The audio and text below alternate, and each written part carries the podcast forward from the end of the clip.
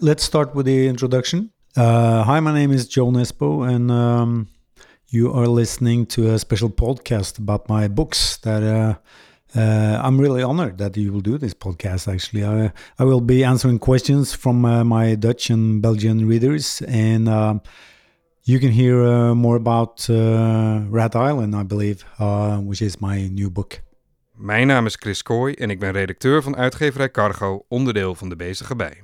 In deze unieke podcast komt Jo Nesbo uitgebreid aan het woord over zijn nieuwe boek. En mogen we exclusief een deel van het audioboek van Rad Eiland laten horen. Maar dat is zeker niet alles. We gaan eerst terug naar november 2021. Jo Nesbo had toen een gesprek met presentator Frank Evenblij, georganiseerd door Crossing Border. En er mocht ook publiek in de zaal zitten. Thank you. Congratulations. Yeah. Scandinavian thrillers are very popular in the Netherlands and the whole world, by the way. But why are you such good thriller writers in the north? Uh, pure talent. I mean, it's uh, now we we have to be good at something, right? uh, now, actually, I I don't really know. I mean, I I get that question a lot, and I, I, I try to come across as smart and intelligent and give you know uh, a good answer to that. But the truth is, I I have no idea. Uh, it it may have to do with the traditional Scandinavian crime writing that. Uh, in the 70s, there were two Swedish writers, Sjöwall and Wahlöö, who, who, sort of took the crime novel from the kiosks and into the serious bookstores. Mm-hmm. Um, and, and, and they sort of made, the, made it acceptable for, for young, talented writers to use the crime novel as a, uh, uh, as a means to, to, to tell stories and also to address uh, social issues um, so, uh, and, and, and many of the early writers had political agendas, uh, uh, mainly uh, left wing agendas. With There was tradition for that, starting with Sjöwall and Wahlöö, but Henning Mankell and Stieg Larsson, they were, you know, political writers also. Yeah. Um, so I think that, uh, but then again, you have just as many bad crime novels written in Scandinavia as, ones, as yeah. anywhere else. Yeah, but yeah. the strange thing is, I think of Norway as a very uh, beautiful country. It's it's almost like a, a fairy tale. Uh, but in your books, there is a, a lot of Norwegian darkness. Um, how dark and sinister sinister is it there, behind the doors? Uh, well. Um, you have, of course, the, the, the plays of Henrik Ibsen, which is uh, you know, typical Norwegian, that you have the, the facade uh, on the surface, everything looks uh, uh harmonious and, uh, and, and, and clean, and then uh, under the surface, there are, of course, a lot of things going on that are not that's not spo uh, spoken about. Um, and then during his plays, these secrets will rise to the surface, which is, of course, the recipe for a crime novel. Um, and on the other hand, it's uh, uh, if you look at a city like Oslo, um, which is you know almost like a character in the Harry Hole series, uh, there is this dark Oslo that I portray, which is kind of um, the, a true Oslo, but but it's a little twisted. It's like a Gotham City version of, of Oslo. It's like Oslo. Gotham City, yeah. Yeah, Oslo after dark. It's uh, uh, but that is a side to the city which which is there and which you can find. You just need to know where to look. It's not like in your face if you travel there as a tourist. And and also the the portrayal of Oslo as a you know, safe city and a sort of innocent city. It's also a true picture of Oslo. It is actually yeah. like uh, like that.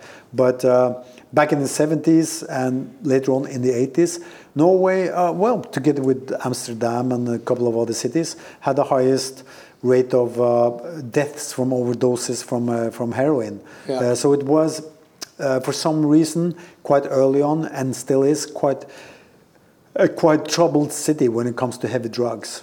Yeah. Are you a, a typical Norwegian guy?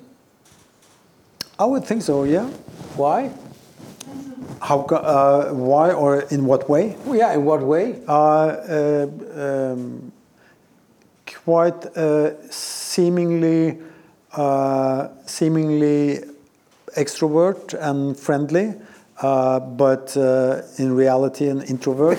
and uh, and uh, yeah, I think. Uh, in, uh, what are the uh, other ways am I typical uh, Norwegian? Well, I made a socially, we made, uh, my, my, my parents did the classic Scandinavian and Norwegian class journey, being uh, uh, farmers from uh, small farms and uh, getting an education, moving to, to the big cities, or we don't have big cities, but medium sized Oslo, cities, yeah. Oslo, uh, and uh, and having working, my mother was a librarian.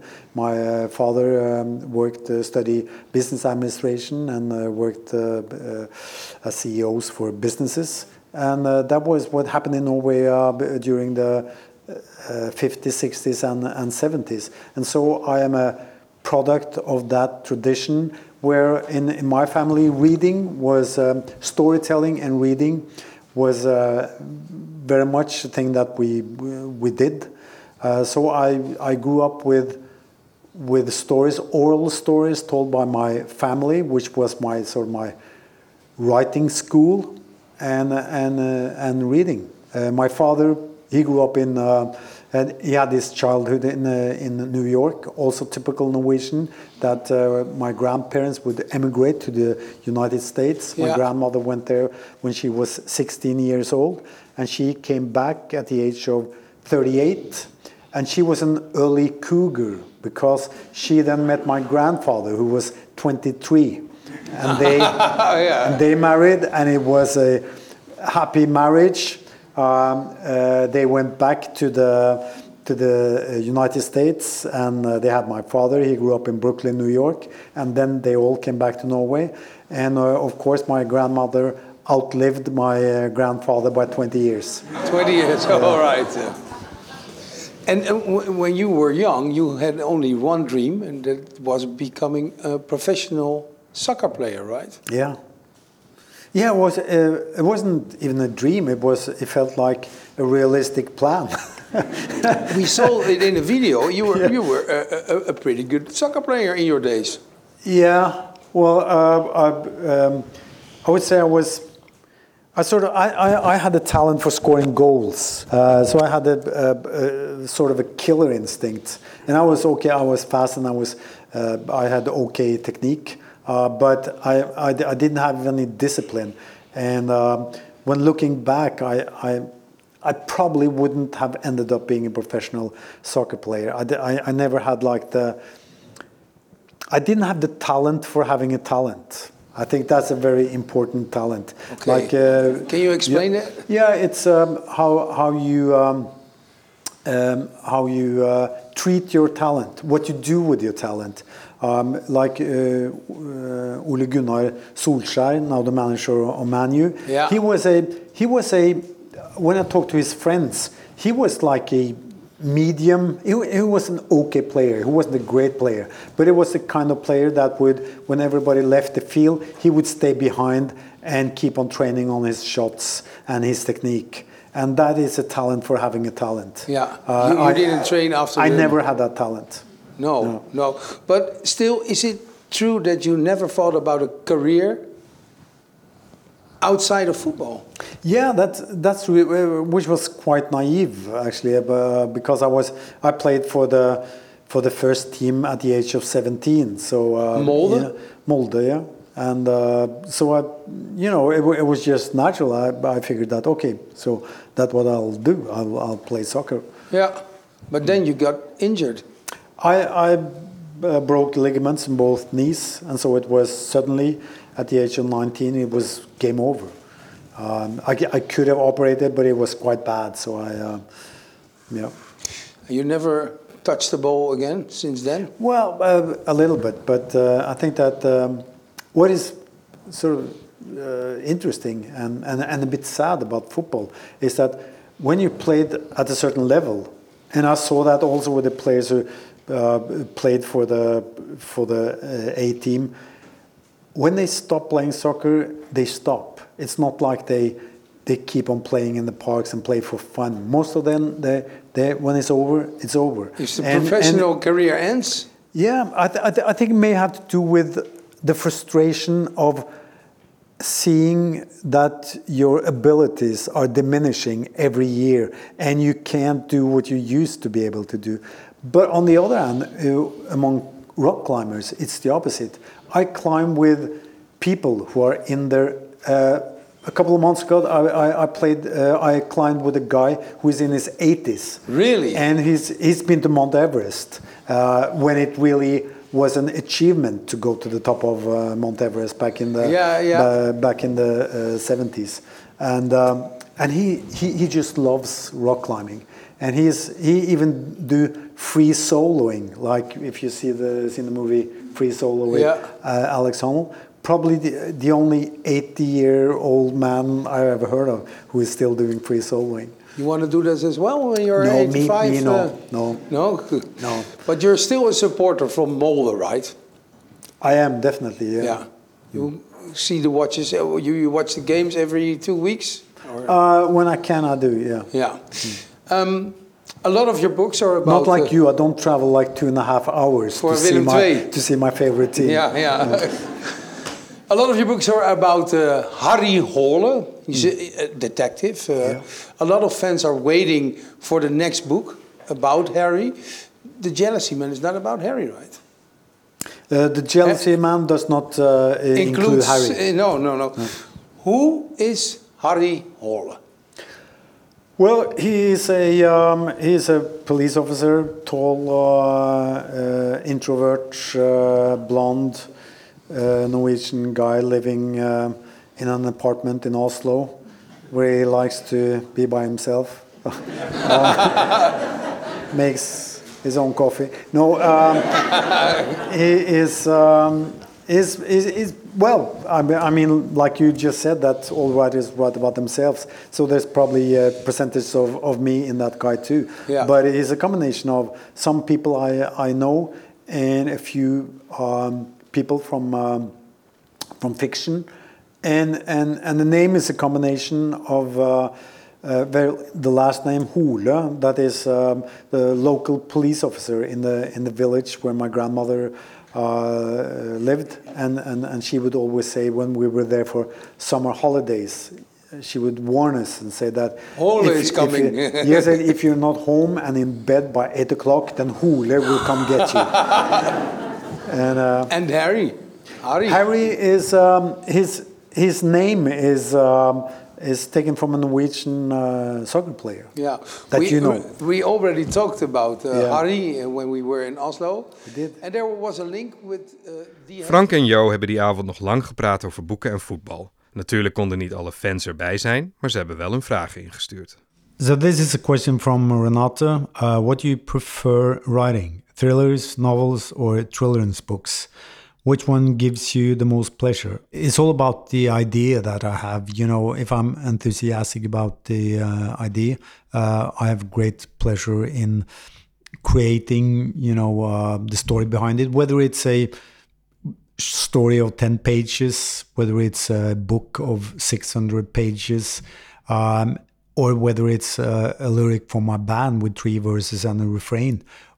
But there is a, maybe a different feeling when you go to bed at night. I, I, I must admit that um, I feel more at ease and I feel happier when working with a children's book than I do after having been in the universe of uh, Harry Hole for uh, for the whole day or the whole night.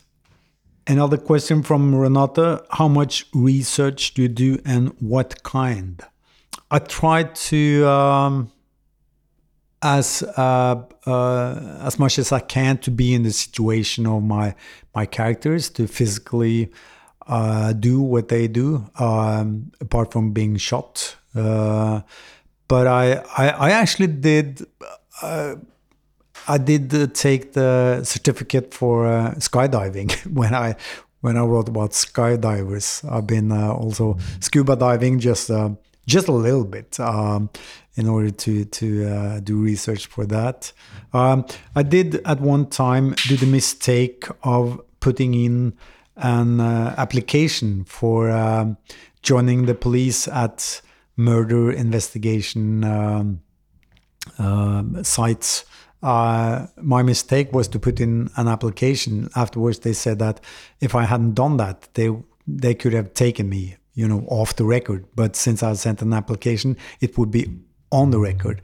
So uh, they had to turn me down. So I, am probably, and they never had an application before. So I'm probably the only person in Norway who is absolutely denied access to any murder site. Um, is um is a question from Miriam. If you can have a beer or a coffee with one of your characters, who would that be and why? Um, I, I, I think this may be a surprise, but I think I would like a beer with a character called Truls. He is sort of a um, he, he's a bad guy, and he's in in many ways a pathetic guy. He is one of the minor characters in the Harry Hole series. Um, he was um, when he first was introduced. Um, I thought he would only be around for that one book, uh, but I, I, I sort of got fascinated with his low life, his seemingly total lack of morality. Um, he's a loser, uh, but he's also somehow a survivor. He does what he has to do. And at the end of the day, he shows sign of decency. Actually, there is a moral ground. It's only deep down somewhere. You, you will hit solid ground, solid moral ground. And um, I would like to talk to him because he's um, he's maybe the one character who is truly honest uh, to himself. He has no illusions about who he is. Um, is not deceiving anyone except um, everyone around him, but at least he's not deceiving himself. And I would just like to, you know, dig a little deeper and have a peep into into his um, his way of thinking, his mentality, and what he does mentally to survive, how he can stand living with himself. Um, there's a question from John. Do you read crime fiction yourself? Other writers you can recommend or films that you love? Um, well, I I read a lot. I I also crime fiction. Um, I was never like a big reader of crime fiction, but I have my favorites. Um, uh, Jim Thompson, the American writer who, who um, wrote, he wrote in many ways American Psycho 30 years before Bret Easton Ellis did so. Um, he is just brilliant at writing so dark stories and sort of looking into the mind of uh, sociopaths and, uh, and psychopaths. And um, he has created some of the best psychopaths. I uh, I think um, in books like The Killer, The Killer Inside Me, and Population 1280. Uh, that would be my favorite writer. I, I can also recommend um, a writer who has become famous, of course, now the uh, the last decades, uh, Frank Miller, who I uh, discovered quite early. He um, is, is a drawer and a writer, and he uh, drew and wrote some of the best Batman series that's been uh, created. Um, and his his graphic novels um, was um, the basis for, especially the Christopher Nolan version of um, of Batman. Um, so I can recommend uh, those books. Uh, films, uh, well, I always return to uh, Francis Ford Coppola's uh, The Conversation. Um, that is uh, still my favorite movie. I think it's so it's so uh, full of loneliness and emotion, uh, desperation, uh, and tenderness, and it has uh, it's a portrayal of a um, of a lonely man, and and his first name happened to be um, Harry, and uh, so um, it would be naive not to think that I'm somewhat inspired by by that character when I created Harry Hole. Het nieuwste boek in het oeuvre van Jo Nesbø is anders dan zijn normale werk. Het is namelijk een verhalenbundel en het speelt zich niet af in Noorwegen. Ik sprak Jo over dit boek en vroeg hem om Rateiland toe te lichten. It's a collection of uh, short stories um, which have um, some common themes. Uh, one being uh, jealousy. Uh, one being, um, you know, this one emotion that probably, if we could choose, we would like to amputate from our mind.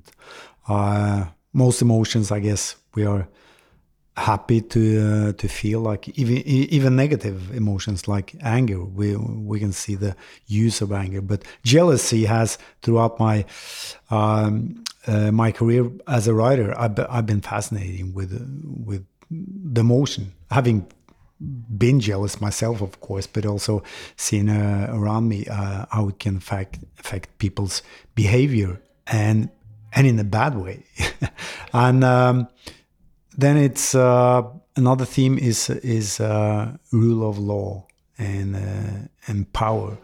Um, how we have this image of our lives in the Western uh, hemisphere and uh, our societies being, you know, somehow stable and somehow that our modern democracies are guaranteed just because we've seen them being stable throughout our lifetimes, um, with some uh, exceptions, of course. Um, I was I was um, probably inspired to, to to write these stories um, after I visited former Yugoslavia, um, just when it was um, on the brink of civil war, and also during the civil war, and seeing you know a, a country in the in the middle of Europe, a, a country that was very similar to to to our countries, you know, um, falling over that brink and into the abyss of uh, of a civil war and, and, and chaos just in a matter of months actually. You know uh, it went more or less during six months from from being a somewhat stable country into being uh, this um, uh, a country where Serbs and Croatians, and um, in a city like Sarajevo, where where you would have all uh, ethnic groups playing on the same basketball team, uh, boys in their you know 16, 17, 8 years, 18 years old, and six months later you had the Serb members of the team being snipers trying to shoot their former teammates in the streets of Sarajevo, which is, you know, just goes to show that um, what we see as our stable civilization is um, is a furnace. So um, uh, Rat Island is um, in that respect um, uh, focusing on on social issues to a certain respect, but seen through the eyes of individuals. But it is, of course, um, looking at some of the shortcomings of our democracies, um, which is of course, something that is useful to at least discuss right now that we are facing a uh, climate change and um, you know whether our slow um, the slow processes of democracy whether it can cope with a crisis like that or if we are to like is uh, like in uh, the novella um, Rat Island, whether we need a society that has to go to sort of a war mode. Yeah, because specifically Rat Island has all the themes of your work, and but society in general is the degradation and the destruction uh, is in there. Could you tell a little bit more about the plot of Rat Islands? How what kind of world uh, are we reading about? Rat Island is uh, it starts with a scene that uh, uh, is quite similar to uh, the scene in uh, Saigon in 1975 uh, when um, uh, North Vietnam forces were uh, occupying the, the city and storming the American embassy. Uh, they had to evacuate. Uh, they had to fly them from the roof of the American embassy um, out to a hangar ship. Um, and uh, this is the same situation that they are on uh, people, rich people are on a skyscraper in the middle of a city that is looks like might be Los Angeles. And this was this idea was um, actually uh, something that came to me after having read an interview in the paper with uh, one of the uh, founders of uh, the website Reddit, um, where um, it became clear that he was um, um, he was one of the so-called doomsday preppers. And and this is quite common especially in united states you know where you have this great divide between the rich and poor which has been um, increasing so much over the last 30 years. And what he had done was that he had um, had an operation on his eyes because he was nearsighted. Uh, because he said that that is when the revolution comes um, you know uh, it will probably be hard to get contact lenses or glasses. And in a situation like that, you really need to have good eyesight. and, and I found that so fascinating. So that was the idea, you know, that in a country like that, and this was also before Capitol Hill. So you are sort of anticipating this to to to to happen. So in Rat Island, this is exactly what has happened. And so it's a struggle between uh, idealistic lawyer who are still a believer in uh, the rule of law. Um, our societies should be governed by uh, by laws.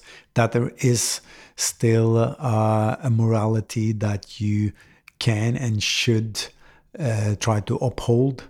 Uh, fighting against you know the forces of the of the jungle of the mob uh, of the people um, looking to to to survive as individuals and as as families and not as a society. Yeah, yeah I think family is the most important word because the driving force behind the lawyer's actions is is the most primary emotions, revenge and love, and the theme that goes throughout your uh, entire work. Exactly, I think that is that is what our society is is all about. You know, what are what are what are we defending? Uh, right now, we're we're living in um, in a um, part of the world that has tried to to um, to sort of um, uh, wipe out the borders and form a big European community uh, with a dream and hope that you know it will bring peace and prosperity to to to more people, um, and that is progress, I think. But what we've been seeing lately, maybe the last 10 years, is of course that there's been a backlash and that, you know, um, you have countries are thinking more about themselves. Um, they are isolating themselves. And we're heading back to a um, sort of society where, where families are becoming uh, more important. But I think for me, it's it's it's progress when you're your uh, loyalty uh, towards a bigger group of people outside your own family is more important than the family itself. En exclusief voor deze podcast kan je nu luisteren naar het begin van het audioboek van Rat Eiland over een wereldwijde pandemie waar geen einde aan lijkt te komen. Het vlaggentouw klapt in de wind sloom tegen de mast. Ik kijk uit over de stad, die er merkwaardig vredig uitziet. Dat is logisch. Vanaf het dak van een wolkenkrabber van 90 verdiepingen zie je de menselijke mierenhoop niet, die vlucht of jaagt door de straten. Hoor je niet kreten van personen die in elkaar worden geslagen, de smeekbedes om genade en het geluid van de trekker die wordt overgehaald. Maar de schoten hoor je wel. Het gebrul van een enkele motorfiets. Nu de schemering invalt, zie je de branden hoewel de meeste vanaf deze hoogte klein lijken. De brandende auto's zien eruit als sfeervolle lantaarns, die de stad, waar de straatlantaarns een jaar geleden waren gestopt met licht geven, een beetje verlichten. Ik hoor een salvo van een machinegeweer. Het duurt maar even. Het zijn jonge jongens. Ze weten wanneer ze moeten stoppen, zodat de wapens niet te warm worden. Ze hebben geleerd wat er nodig is om te overleven. Of beter gezegd, om langer te leven dan de persoon die hetzelfde nodig heeft als hij. Eten, wapens, verblijfplaats, benzine, kleding, drugs en één vrouw of meer om je genen door te kunnen geven. Het is, om een cliché te gebruiken, een jungle daar beneden. Die jungle wordt niet met de dag erger, maar met het uur. Ik gok dat dit gebouw, waarop we nu staan bij het ochtendgloren, een deel van de jungle is geworden. De mensen die hier aanwezig zijn, worden geëvacueerd. De elite, de rijkste van de rijkste, die genoeg geld heeft om een ticket te kopen. Ik sta naar ze te kijken. De allerlaatste groep van veertien personen die ongeduldig in de richting kijkt waaruit de legerhelikopter, die een pendeldienst onderhoudt, naar het hangaarschip de New Frontier zal komen. Het schip heeft plaats voor 3500 personen en voedsel, medicijnen en alles wat er verder nog nodig is om vier jaar te overleven zonder een haven aan te doen. Het zal naar open zee varen en daar voor onbepaalde tijd blijven. Ik weet niet wat een ticket kost. Alleen dat die waarschijnlijk iets goedkoper is voor vrouwen, aangezien er is bepaald dat er evenveel mannen als vrouwen aan boord moeten zijn. Niemand heeft het hardop gezegd, maar dit is de ark van Noach, voor de elite. Voor me staat mijn jeugdvriend, Colin Lowe. Zijn vrouw Liza en dochter Beth staan dichter bij de helikopterlandplaats, de lucht af te speuren. Colin is een van de rijkste ondernemers van het land. Hij bezit websites en over de hele wereld onroerend goed, inclusief de wolkenkrabber waar we op staan. Toch kost het hem minder dan 30 minuten om alles in te pakken wat ze mee willen hebben, heeft hij me zojuist verteld. Alles wat jullie nodig hebben is daar, verzeker ik hem. Er hangt een nerveuze, hectische, maar ook een merkwaardig opgewekte stemming. Rond de landingsplaats en bij de deur naar het dak staat een zwaar bewaakte, geuniformeerde privémilitie. Die wordt betaald door Colin en Low Incorporated. Beneden op straat en bij de liften staan nog meer mannen.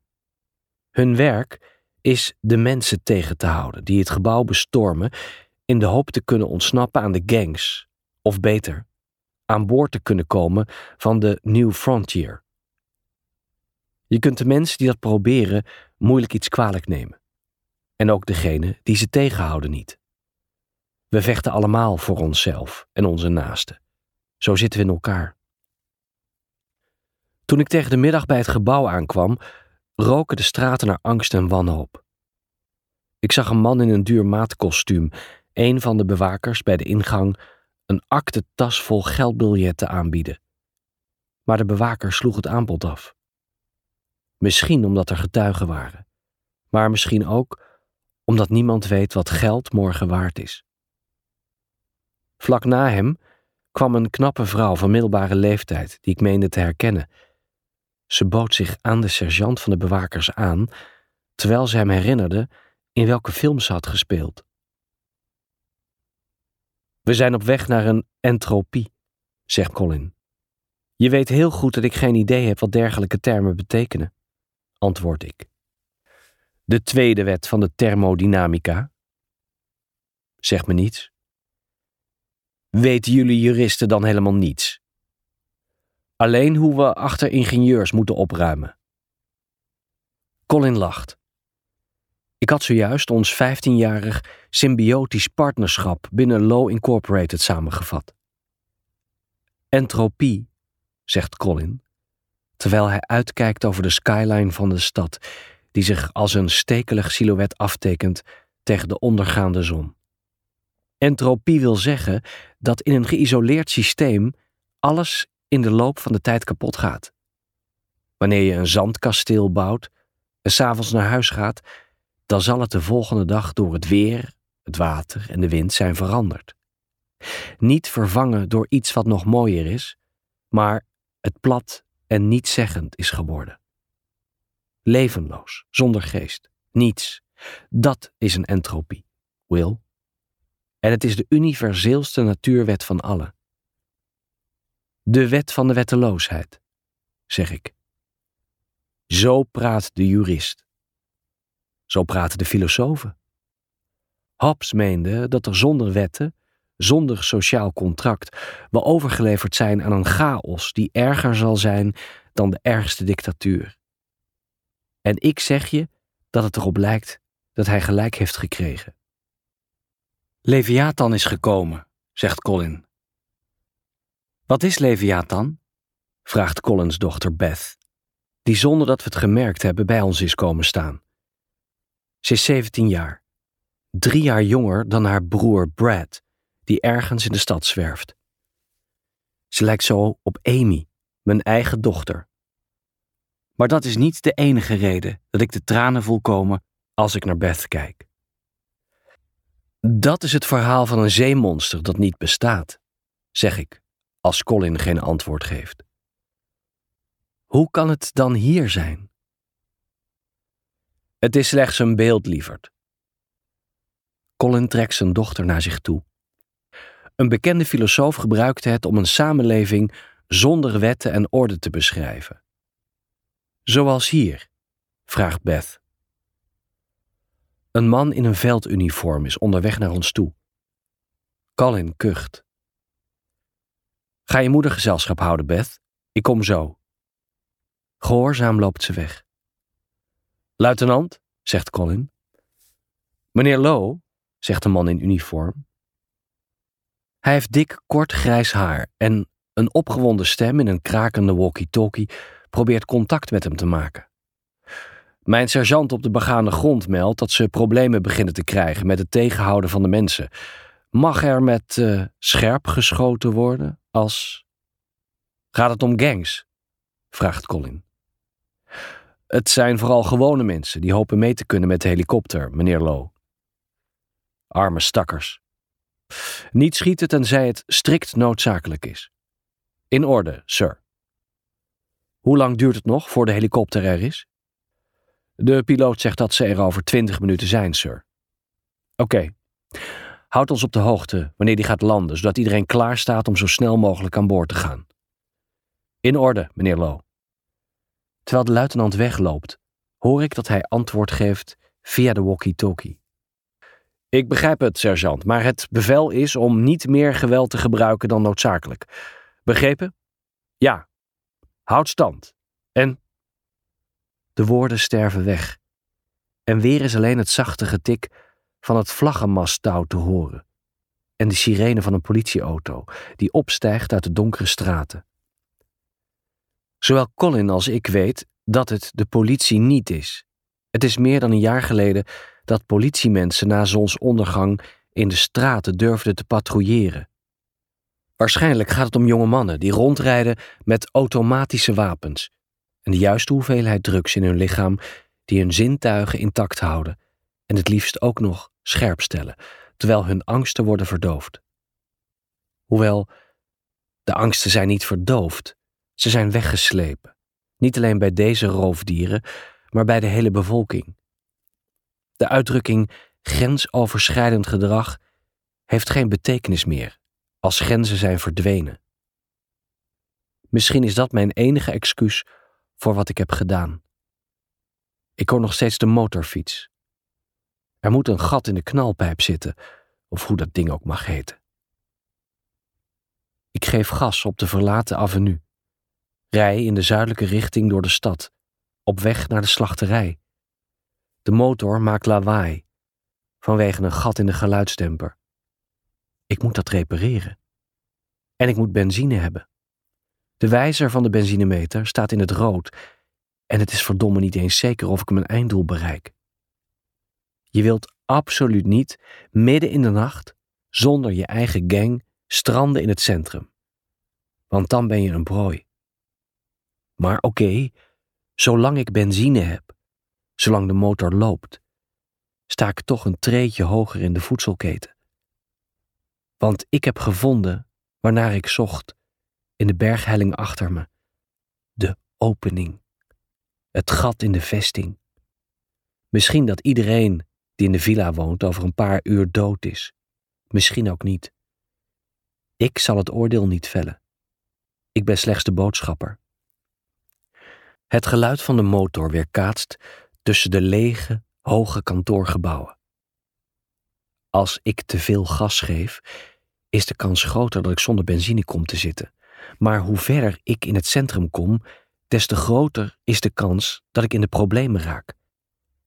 Kijk alleen al naar de menigte die voor het looggebouw stond toen ik voorbij reed. Terwijl ik daar iets langzamer ging rijden, trachtte een van die luimen van mijn motor te trekken. De mensen zijn beesten geworden. Ze zijn wanhopig, woedend en bang. Wel verdomme. Wat is er gebeurd met deze stad? Met dit mooie, fijne land. Nieuwsgierig naar de rest van het verhaal? Lees Rateiland.